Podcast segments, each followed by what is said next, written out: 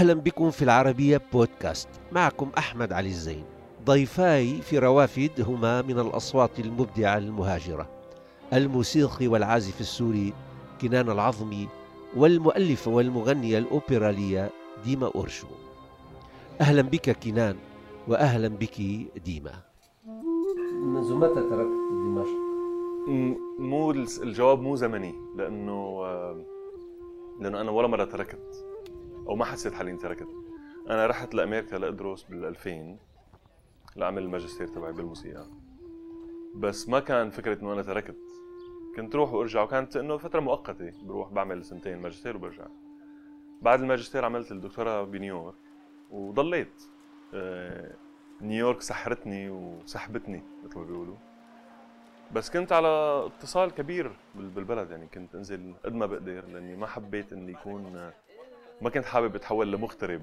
كان هذا عندي هاجس كبير.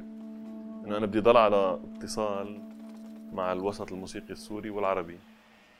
تحفظني.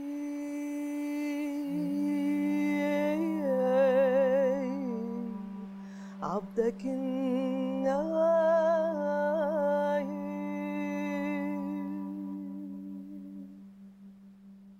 آه، بوسطن أنا لما وصلت لبوسطن وبلشت دراسة آه، اكتشفت إني أنا أمية بالموسيقى الحقيقة.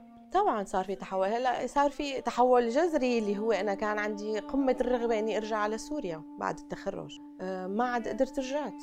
أنا أثناء دراستي كنت عم صدقا عم عم اجمع مراجع أخذها معي للمكتبة للمعهد العالي للموسيقى. المراجع اللي ما فيني كنت أشتريها كنت صورها.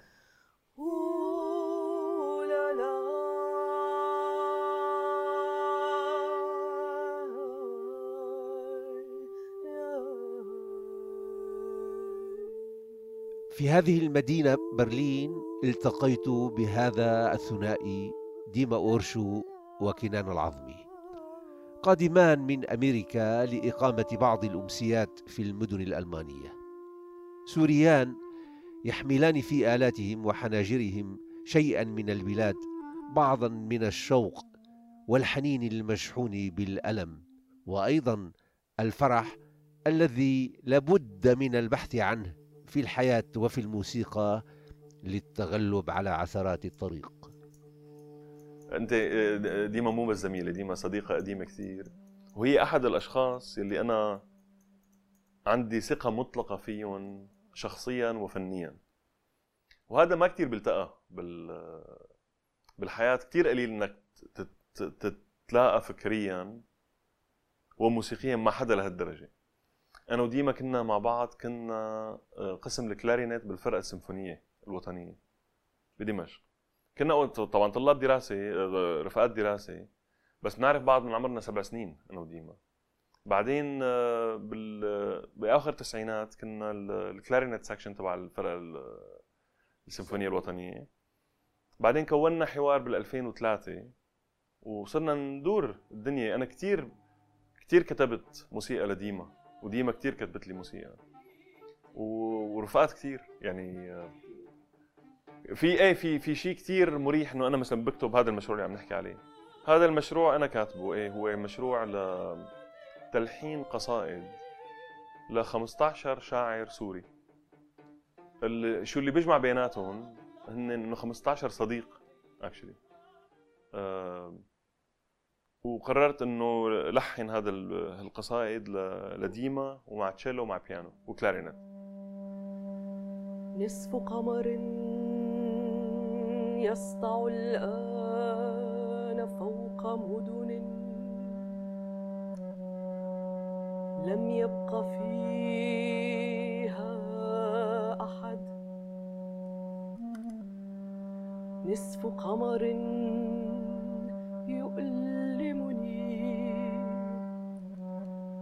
انشطار وجهك بفأس. هلا آه، يقال إنه آه، يقال إنه العمل الإبداعي تحت ضغط المآسي يعني بيكون شوي انفعالي آه، ربما يحتاج لبعض المسافة لأنه ربما العاطفة بتغلب في العمل حين وقوع المآسي. ربما هذا في الموسيقى أخف وطأة لأنه يتسرب الوجع والألم يتسرب مباشرة إلى الصوت يعني إلى الصرخات البشرية شو رأيك بهال آه في بعض الحالات آه، تخرج الأمور عن السيطرة. نعم. ببداية الأحداث بسوريا آه، أتذكر حفلة قمنا بها سنة 2012 كانت أول لقاء لمجموعة حوار اللي هو الفريق اللي أنا بشتغل معه. فبتذكر إنه نحن على المسرح صار عنا حالة عجيبة جدا يعني وهي موجودة بفيديو. آه، كل ما بنرجع بنشوفها بنتذكر كيف كانت حالتنا وقت اللي التقينا وقت اللي عبرنا عن هالصدمة اللي نحن صارت معنا. آه، يمكن من اللحظات النادرة كتير اللي أنا بنفجر فيها على المسرح كنت الاحتفال بأي بلد كان؟ آه، كان بمدينة أوزنبروك يلي هي تضم مهرجان من أجمل المهرجانات الموسيقية اللي نحن شاركنا فيها الحقيقة يلي صرنا بتتابع كل سنة نشارك فيه آه، بمدينة أوزنبروك بألمانيا دامت الشدة ما دامت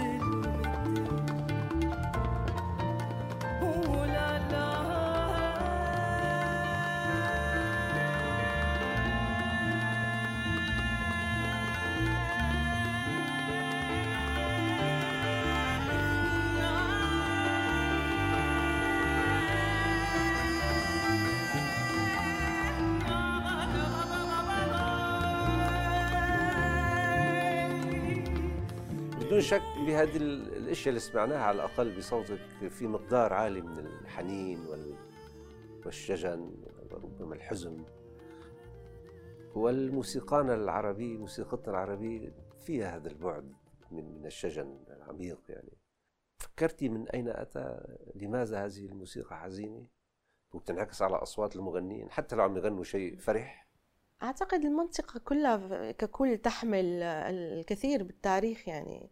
أعتقد مر كثير آه، آه، مآسي وحروب أهوال. وأهوال.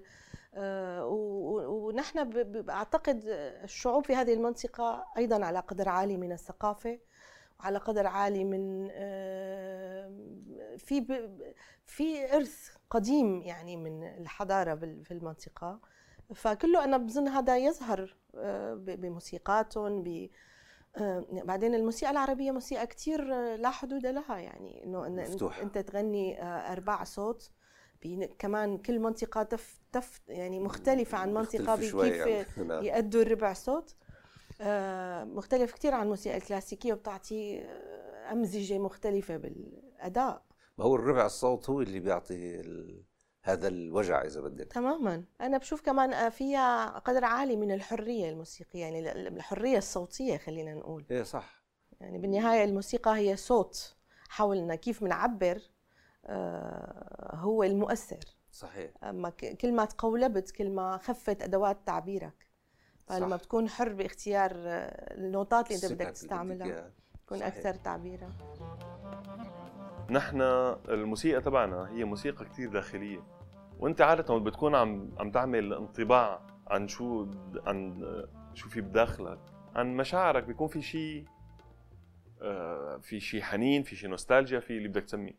بس آه، بكل الأحوال نحن بنعمل موسيقى إن كان بالغرب ولا إن كان بالشرق.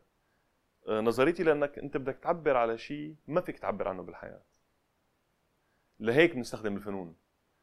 هل نحن بنترجم إنه هي الموسيقى سعيدة ولا حزينة؟ أنا برأيي الموسيقى بتعطي مجال لاختبار عواطف ما مختبرينها قبل.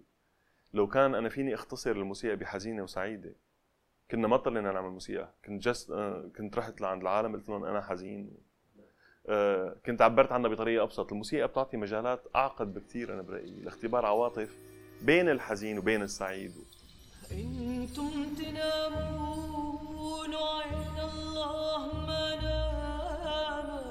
عين الله ما نامت.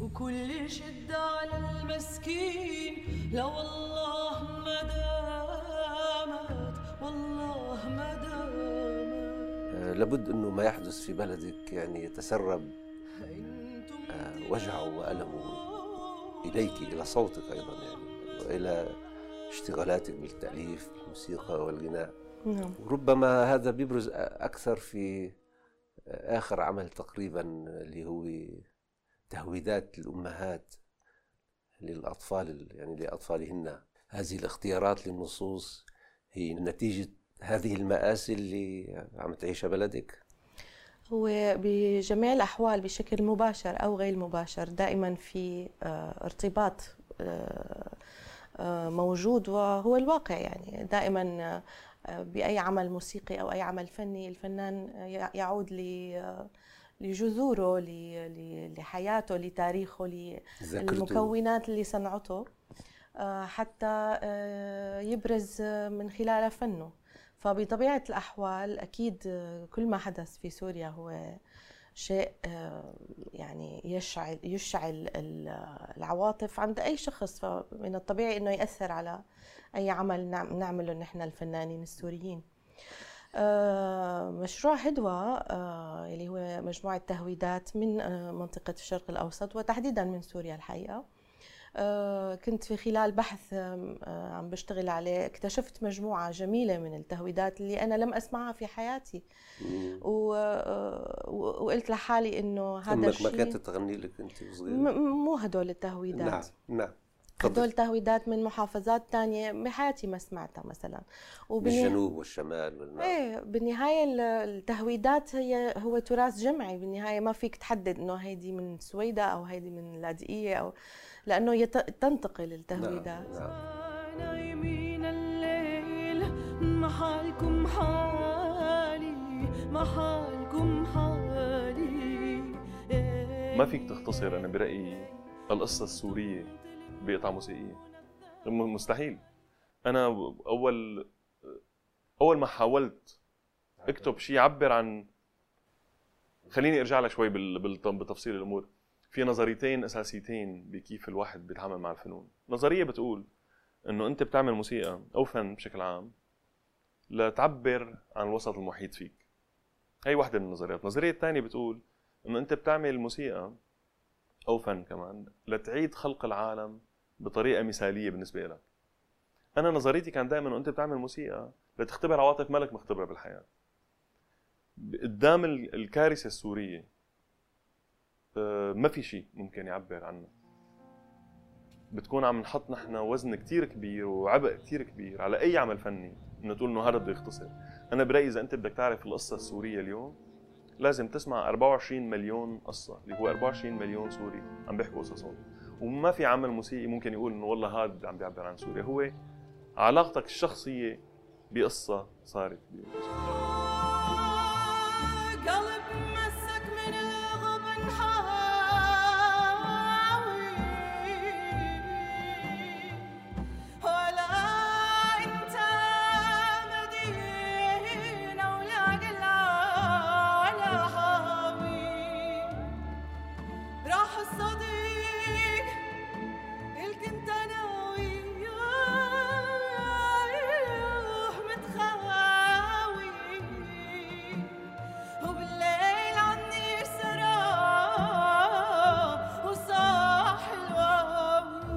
ديما أورشو صوت عميق في شجنه وقوي في طاقاته التعبيرية وأبعاده.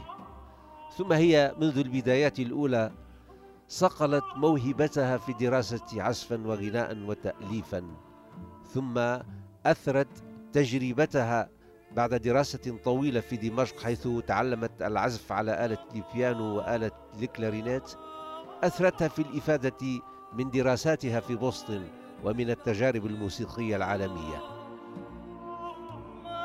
يعني الميل للفنون والموسيقى بشكل عام موجود بالعائلة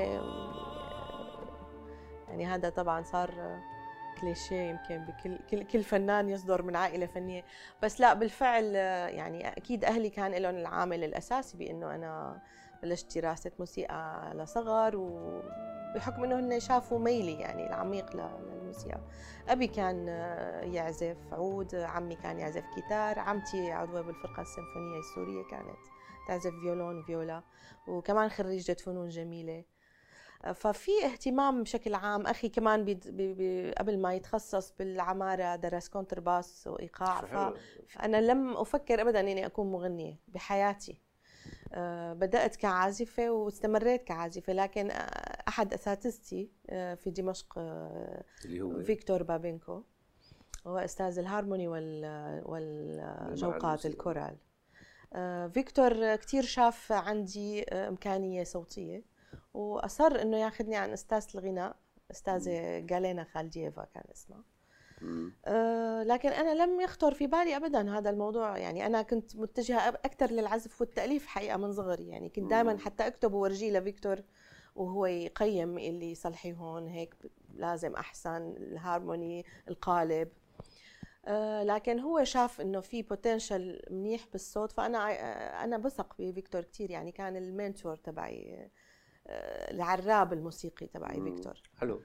فبلشت ادرس غناء كنت سنة ثالثه يعني مو مو بكير يعني. نعم نعم. وهكذا تم الموضوع يعني. و... وتخليتي عن العزف؟ لا لم أتخلى لكن صار ثانوي بالنسبة لي آه أنت طبعا آه بتغني من من تأليفك وتلحينك إذا صح القول وأيضا من تأليف موسيقيين آخرين. نعم. وغالبا اللي بيلحنوا لأصواتهم بيستأنسوا بإني لأنه بيعرفوا مجالات صوتهم وأبعاد الصوت وقدرته واحتمالاته. ولكن بظنك عندما يأتي آخر يعني شخص موسيقي وبيعرف صوتك وبيلحن ربما يكتشف إشياء أنت ما بتكتشفيها بصوتك. طبعا أكيد. وأوقات بياخذوني ل... لأماكن بالعمل مخيفة و... آه، لكن عندهم ثقة إنه أنا رح أقدر إني أديها بشكل جيد. ممكن تكون غير مألوفة إلي. مين من هالشباب اللي اشتغلوا معك قربوا لصوتك؟ يعني اكتشفوا أشياء جميلة بصوتك. آه، بشكل أساسي كنان العظمه وعصام رافع. كمان في مؤلف عظيم كمان آه، كثير قريب لقلبي شغله كريم رستم. أعتقد من سنتين قدمت عمل كمان كان صعب كثير وهيك كان عندي مثل امتحان بالنسبة لي إني أقدمه اللي هو عمل لمؤلف هولندي حكم وأقوال بالنفري. آه نفري فظيع فكان The more you see the less you speak اسم القطعة إذا تجارب موسيقية كثيرة قامت بها ديما من أبرزها كما سلف الذكر كانت مع كنان العظمي. الذي كتب لصوتها أعمالا تحمل حساسية هذا الموسيقي الذي وصفته نيويورك تايمز بالعازف والموسيقي الساحر بحيث جعلته قدراته العزفية والتأليفية حاضرا في الكثير من الأوركسترات العالمية. وبالطبع كنان ومنذ بدايته الدمشقية كان مهجوسا بعوالم الموسيقى والعزف والتأليف وكون العديد من الفرق آخرها مجموعة تحمل اسمه إضافة لمشاركته في مجموعات عالمية أبرزها فرقة طريق الحرير. كثيرة هي الأعمال التي ألفها والتي تميزت بذلك التزاوج والانصهار ما بين مناخات وعوالم الموسيقى الشرقية والغربية. ودائما كما يذكر أن من الأعمال التي شكلت علامة بارزة في مسار التجربة هي فرقة حوار وشغله لصوت ديما أورشو. في شيء كثير حلو هي بعتبرها آه، ثروة. وقت أنت بتكون عم تكتب لشخص وليس لصوت. أنا اللي بيهمني هو الشخص وراء الآلة. خلينا نقول ديما عندها آلة موسيقية اللي هي صوتها. أنا بيهمني أكثر الشخص اللي عم بكتب له. إن كنت عم بكتب إن كان لديم ولا إن كان لأصدقائي الثانيين ما عم بكتب لكلارينيت وتشيلو وبيانو وغناء. عم بكتب لديما باسيليوس وكاثي. آه هذا اللي بيهمني أكثر هو شو الشخص كيف الشخص بيستخدم الأداة تبعه ليؤدي العمل المكتوب. وطبعا وقت بتكون عم بتآمن بالشخصيات تبع المسرحية تبعك بتعطيهم مجال ليضيفوا للعمل من عندهم لأنه أنت عم تكتب كمان لمؤلفين. فأنا بؤمن وقت ببعث لها لديما نص مثلا. أو ببعث لباسيليوس آه، لحن أو أو لكاثي بعرف إنه حيقدموه بطريقة أحسن بكتير. ممكن تكون مختلفة على كيف أنا تخيلته. ففي آه، فعلا فكرة إنه هو مجموعة وهي ليست فقط إنه مؤلف كتب موسيقى وأنا أعطيت النص وهن أدوا. ما ما ما علاقة مؤلف مع مؤدين وإنما علاقة مشروع مجموعة عم بتحاول تخلق شيء جديد من الشيء المكتوب ومن الآلات المستخدمة.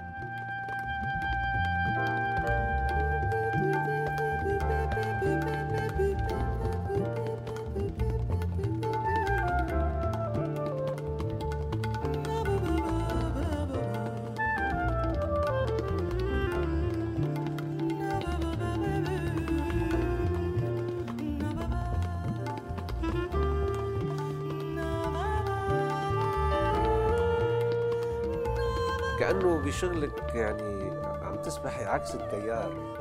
هذا أمر صعب. أه تواجهي هالمسألة أنت هذه الأسئلة تطرحيها على نفسك إنه اخترتي الطريق اللي مش سهل الواحد. يعني لا يمكن لي إني أختار غير هالطريق لأنه هذا الطريق بيمثل فكري آه، بيمثل آه، مبادئي بالحياة بالنهاية يعني. نعم. هذاك آه، الطريق لا يمثل أي شيء آه، طبيعي الحقيقة. هذاك يعتمد على مرتبط الاسفاف الفني مرتبط بالسياسة مرتبط بالوضع الاقتصادي مرتبط بالوضع الاجتماعي بالبلد. بالنهاية أكيد مو خيار فني. فبالنهاية أخترت شو بيناسب فكري. يعني بغض النظر آه، لم آه، لم ما فكرت بالموضوع بطريقة إنه هو هل هو مشروع رابح أو هو مشروع خاسر رح يوصلني لمكان أو لا. لما بلشت شغل ما ما فكرت لا بموسيقى لا بشهرة ولا بمصاري يعني إذا كان هذا الفن الهابط هو بيجيب شهرة أو مصاري بالمسارح العالمية الحضور نسب الحضور الأجنبي أكثر أم العربي؟ لا أكيد الأجنبي. الأجنبي أكيد. ويستأنسوا بهذا النوع من الشغل. يعني بتشوفي ردة الفعل ممكن بتقاربي إنه بينه وبين الجمهور اللي موجود في دمشق أو في تونس أو الجمهور العربي دائما عاطفي أكثر. آه، كان دائما جميل كان دائما الانطباع آه، كويس, كويس. يعني طبعا هن آه، بدمشق يعني دمشق احتضنتنا يعني أهلنا ومعارفنا والناس اللي بتحبنا. فدمشق دائما كانت الحاضنة الجميلة إلنا يعني نحن اللي ابتدأنا من دمشق. دائما في ناس بتحسها متابعة وعطشة يعني بتذكر ردة فعل الجمهور رائعة كانت ببيروت بتونس كانت جميلة. بس في في محبة بتحس فيها طبعًا للمحبة. طبعًا. آه، الجمهور الأوروبي انتقائي وقاسي وبيسمع بعقل بيسمع لكن ال reward بتكون جميلة. آخر يعني بتكون خايف أنت كل الحفل شكلهم مو مبسوطين. بيسمعوا بيصغوا بيصغوا شكلهم مو مبسوطين ما في reaction ما في شيء. بعدين بس تخلص الحفلة بتلاقي كله وقف على رجليه إيه، وعم يصفق هذا reward يعني. إيه، طبعا طبعا. وكان لابد أن نترك ديما أورشو وكنان العظمي وباسيليوس وكاتي يتابعون تمارينهم وبالتالي جولاتهم وحفلاتهم واختباراتهم في المهاجر والمدن البعيدة.